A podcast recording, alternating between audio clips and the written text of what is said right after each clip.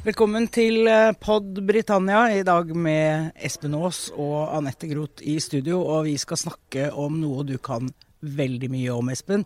Undergrunnsbanen i London. Ja. No, no, no. What we are asking is for a very large amount of our own money back. The choice is in your hands. We've had a meaningful vote. We had it in the referendum on 2016.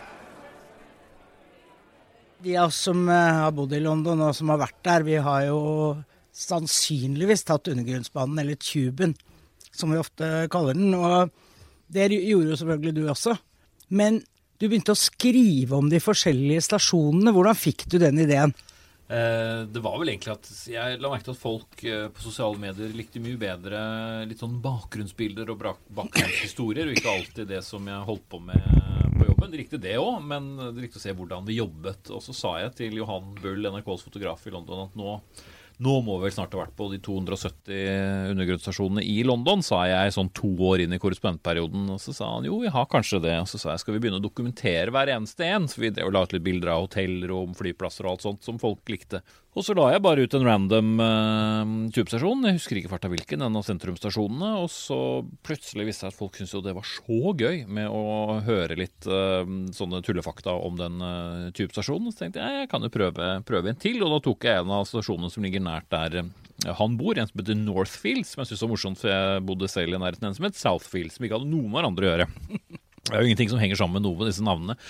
Og så begynte jeg å lese litt om det området, og så viste seg både hadde bodd en tidligere amerikansk president der, det var den sjuende amerikanske presidenten eller sånn, husker ikke hva han heter i farten, hadde bodd i området, og den første briten som krysset Niagarafallene på line, bodde også i det området. Og så fant jeg ut at denne byen og disse tubestasjonene er altså så stappende full av ting vi ikke vet at vi trenger å vite, men som er veldig gøy å vite, og noe som vi kanskje trenger å vite. og da ble egentlig bildene flere og flere, og artiklene ble lengre og lengre, Og så ble det da til slutt en, en bok av det.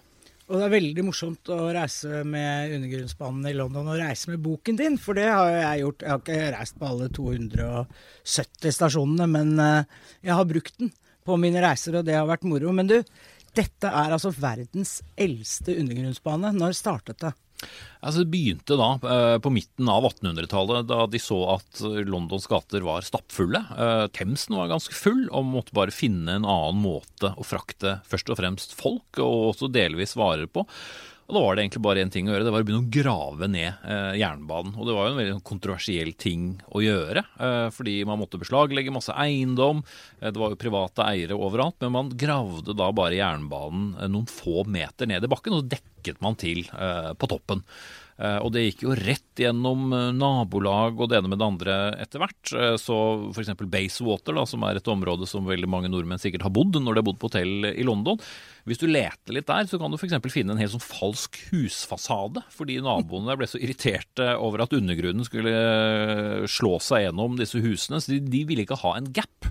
Mind the gap. De ville ikke ha et opprom mellom to hus, og da ble District Railway, da, som bygget den undergrunnen i sin tid, rett og slett bedt om å sette opp en falsk fasade. Så det er en falsk dør, falske vinduer, men nesten umulig å oppdage, for den ligger da midt mellom to andre hus. Men den første undergrunnsbanen var jo bare sju stasjoner. Gikk fra den viktige City of London og frem til Paddington Station, da, som var en viktig togstasjon som mange kom inn til London med, og så skulle de fraktes videre. Men så har den jo bare økt og økt i omfang.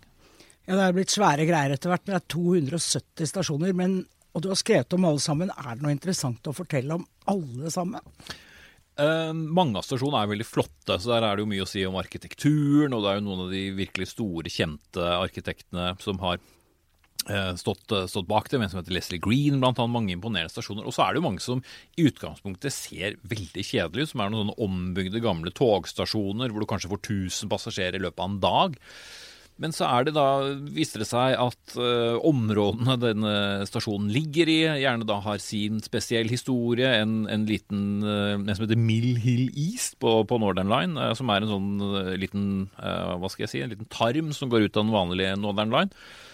Var jo da egentlig den første stasjonen på en rekke av stasjoner som skulle gå videre langt utover London, som man planla før eh, annen verdenskrig. Man skulle liksom bygge, skulle binde sammen mye mer av England rett og slett med, med tuben eller undergrunnen. Men så kom jo annen verdenskrig, og man eh, fikk aldri råd til det. Og så bestemte man seg på et eller annet tidspunkt for å aldri fullføre det prosjektet. Så det er liksom én stasjon på den linjen, men der går det da sånn eh, shuttle-tog eh, frem og tilbake. Og på den andre stasjonen så finner du den første versjonen av kartet da, så dette berømte tube-kartet, eller eh, tube-diagrammet, som en ansatt i London Underground laget på fritiden.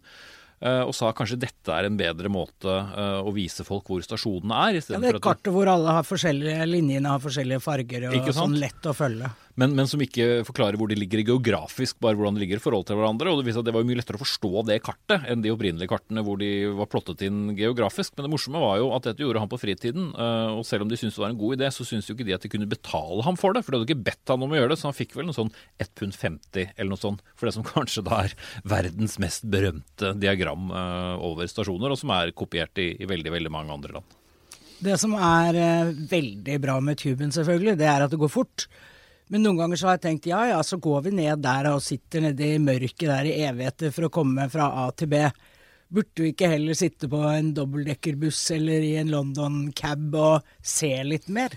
Jo, for så vidt, det kan du jo si, men da må du ha tid til det, da. Uh, Enhver som har eh, tatt noen av disse klassiske bussrutene over bakken, linje 7 eller 11, eller noen av de virkelig fine bussrutene som tar deg eh, rundt omkring i London sentrum, du kan bli sittende ganske lenge og se på attraksjonene, for det rikker seg jo ikke av eh, flekken ofte, fordi det er så mye trafikk. Selv nå, med alle sånne congestions-soner og, og bom og alt mulig, så er det jo veldig mange eh, biler. Ja, jeg har hørt at det er omtrent uh, samme fart nå som det var eh, på dronning Victorias tid da de brukte hester. Så jeg har vel sittet i køene noen ganger selv, så jeg vet det der. Uh, men skal man forflytte seg fra det ene stedet til det andre, så vil jeg absolutt bruke banen. For det, det går absolutt hele tiden. Selv om folk av en eller annen merkelig grunn likevel løper til banen, så er det gjerne to-tre minutter til, til neste bane kommer. Men så er det jo selvfølgelig all grunn til å, å gå over bakken uh, og se det. Og noen steder er det til og med raskere å gå enn å ta banen nå. Min, min favoritt er jo en, eh, en stasjon eh, som sikkert mange har tatt, som er helt meningsløs. Og det er jo banen da fra Common Garden til f.eks. Leicester Square. Og Ja. tunnelen mellom de stasjonene er jo kortere enn et tog. Eh, så det tar da under et halvt minutt å kjøre banen fra det, den ene stasjonen til den andre. Og Covent Garden eh, Tube Station har jo da heller ikke rulletrapp, den har heis og trapp. Så du bruker sikkert eh, fem-seks ganger så lang tid på å ta banen mellom de stasjonene som eh, det er å gå over bakken. Og det er jo et morsomt, morsom del av London å gå. eh, med ja, du får veldig, veldig London-følelsen, og begge stasjonene er jo også gamle eh, og veldig eh, fine. Og så ja, får man kjent litt av den, den gode sentrumsfølelsen av London med, med alle forvirrede turister og trafikkaos. Det kan jo være veldig varmt på tuben. Jeg husker om sommeren når jeg skulle reise på jobb og jeg husker jeg skrev eh, eller sånn eh, korrespondentbrev om hvordan de bruker veldig mye deodoranter deodoranter, men veldig lite dusjing, tenkte jeg da. For det lukter ganske vondt når det er på det. Og du står så tett som bare det og må passe på lommeboka og alt. Det er veldig mange mennesker som tar tuben hver dag. Altså, det, flere, det er flere mennesker som reiser med tuben hver dag enn det bor mennesker i Norge. Eh, altså antall reiser, i hvert fall.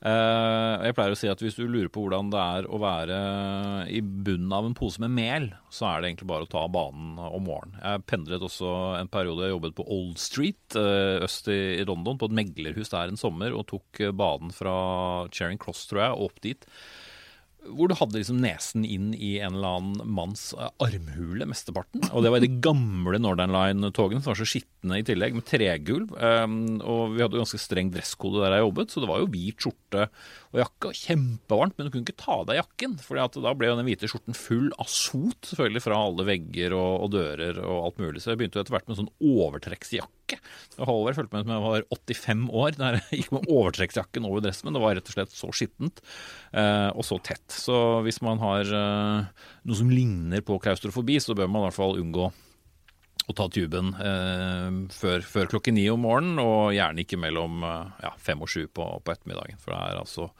så fullstappet. eh, Og innimellom så hender det jo at disse togene stopper i tunnelen òg. Det er en ganske sånn spesiell følelse når det er midt mellom to stasjoner, og så kanskje blunker det litt med lysene inni vognen fordi strømmen ikke er der. Så det er ikke, det er ikke bare bare. Nei, det er ikke det, gitt.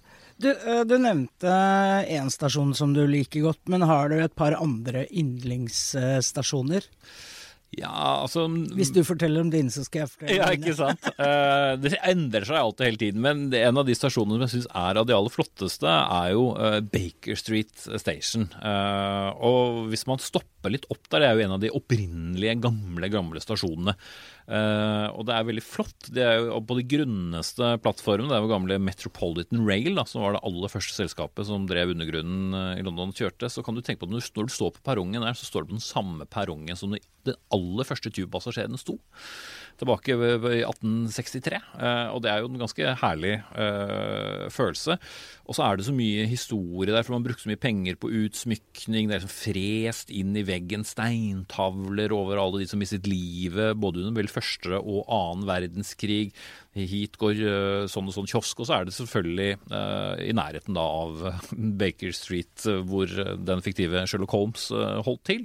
Og i flisene så er det jo Sherlock Holmes, profiler og ansikter. En forferdelig komplisert stasjon, for det er en av de stasjonene med flest linjer. så du kan jo bruke en hel dag bare på å prøve å, finne frem der, men den er veldig flott. Men det som jeg har sagt til mange som er veldig gøy å gjøre i London, er å reise av endestasjonene i London, for du kommer til helt fantastiske andre steder.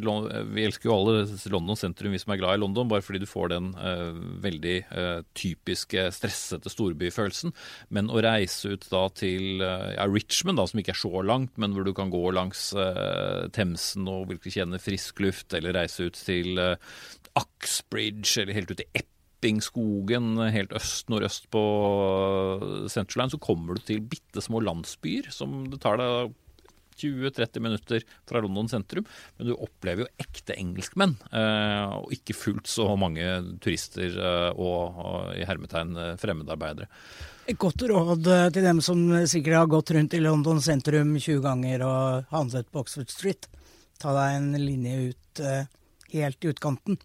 Ja, Der er jo ofte mange av de samme butikkene òg, som folk på dødeliv skal gå på på Regent Street eller Oxford Street.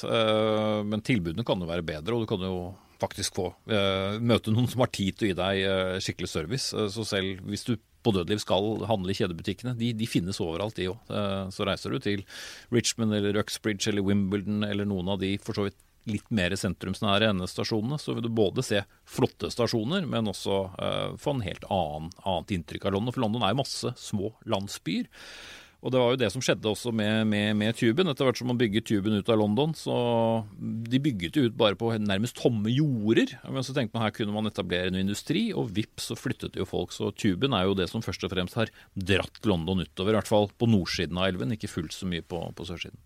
Det er veldig riktig det du sier om at eh, London man blir jo litt, Det er så svært at blir jo, det blir jo litt vanskelig, nesten. Men hvis man tenker på det som små landsbyer, så er det mye lettere, og så kjenner man noen landsbyer bedre enn andre. Jeg sa, skulle si noe om mine tubestasjoner. Og de går ut på en av linjene fra Baker Street, nemlig den linjen som heter Bakerloo. Og de stasjonene mine dette Made of Vale var min aller første stasjon. Og det er en sånn nydelig teglsted, teglstensbygning. Og du nevnte arkitekten som heter Leslie Green. Og hva er det Stanley Heaps han het? Han som eh, Ja, Han han var eleven hans. Eleven hans, som jo tok over en del av arkitekturen eh, på, på tuben. Og det er også veldig fine sånne flisarbeider. Det er runde vinduer. Det er jo som å gå inn i en, en, en flott hall, og så er det bare, bare en, Det var i hermetegn. En undergrunnsstasjon. Og bare én stasjon oppover eh, ligger det neste stedet jeg bodde, nemlig Kilburn. Og Kilburn Park, som er samme arkitekt og også noe av det samme. Altså, og der er det også noe maleri i taket, og det er så mye å se på at du kan fort somle før du kommer på rulletrappen nedover der. Og Det er jo et problem. ikke sant? Når vi går på en tubestasjon, så går vi gjerne fordi vi har dårlig tid. Du skal fort inn på toget og fort ut. Men hvis man bare lar et tog gå fra seg, og du blir stående alene igjen på perrongen, så kan du plutselig se eh, mange av disse tingene. Og det er jo mye rart. ikke sant? Det er sånn trapper som ikke går noe sted.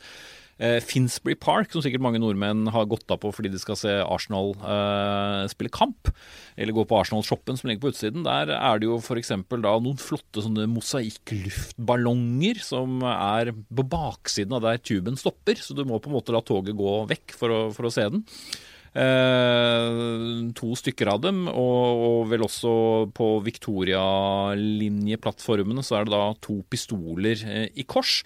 Som rett og slett er en gammel misforståelse, fordi man hadde blandet to navn. Et navn som var på en liten plen inne i City, og en plen som er i nærheten av Finsbury Park, som man trodde var et gammelt duellområde. Og så var det en eller annen kunstner som hadde bare sjekket litt historiebøker og tenkte å ja, det var dueller her i gamle dager. Og så laget han så flisemønster da med, med to uh, gamle pistoler i, i kors, men som for så vidt ikke har noen ting med det området å gjøre, men har da bare blitt værende. Og det er litt sånn typisk for mye av tuben. Det er veldig mye tilfeldigheter. Både hva de har fått av navn, eh, og hvorfor eh, stasjonene har, har havnet der de er. Men du, det er noen som er redde for å ta undergrunnsbane. Som syns det er skummelt å heise seg ned langt under jorden og, og bli der nede. Hva vil du si til dem? Jeg vil si at Det er jo det tryggeste du kan gjøre, både hvis du skal rekke noe øh, og hvis du skal tenke på, på statistikk. Eh, det er klart Mange ble nok skremt øh, tilbake 7.7.2005. Eh, terroristene som da gjorde anslag mot tubestasjonene. Og IRA i, i sin tid hadde jo også noen angrep på tuben. Men altså, antall folk som er skadet under en tubereise sammenlignet med vanlige trafikkskade, er, er jo virkelig ingen. Og så kan man prøve å tenke tilbake på de første tubevognene som ikke engang hadde um, vinduer. Det var jo derfor det het Tuben. Det var jo sånne, akkurat som sånne postrør, ikke sant. Eh, rørpost. Eh, sånn var jo vognene. Man tenkte du trenger ikke å se noe. Men etter hvert så skjønte man at det var kanskje et poeng at du så hvilken stasjon uh, du gikk av på. Så hadde man vinduer, men da var det jo helt mørkt. Sikkert noen som satt inne i vognene og røkte, og i tillegg til all verdens trivelige uh, odører der nede. Men tryggeste eh, og kjappeste muligheten. Men jeg husker jo også det etter terrorangrepene som var eh, i London i 2017. Så hadde jeg også venner som kom over. Eh, og de sa, som bodde på hotell i sentrum, og de sa nei, vi, vi valgte å ikke ta, ta, banen, vi. Så vi gikk heller mange kilometer med barna. Og jeg klarte aldri helt å forstå hvorfor de følte at det, det var tryggere. Men briter flest de sier 'keep calm and carry on', carry on. Og det er det de gjør, så vi får vel bare si god tur. Absolutt.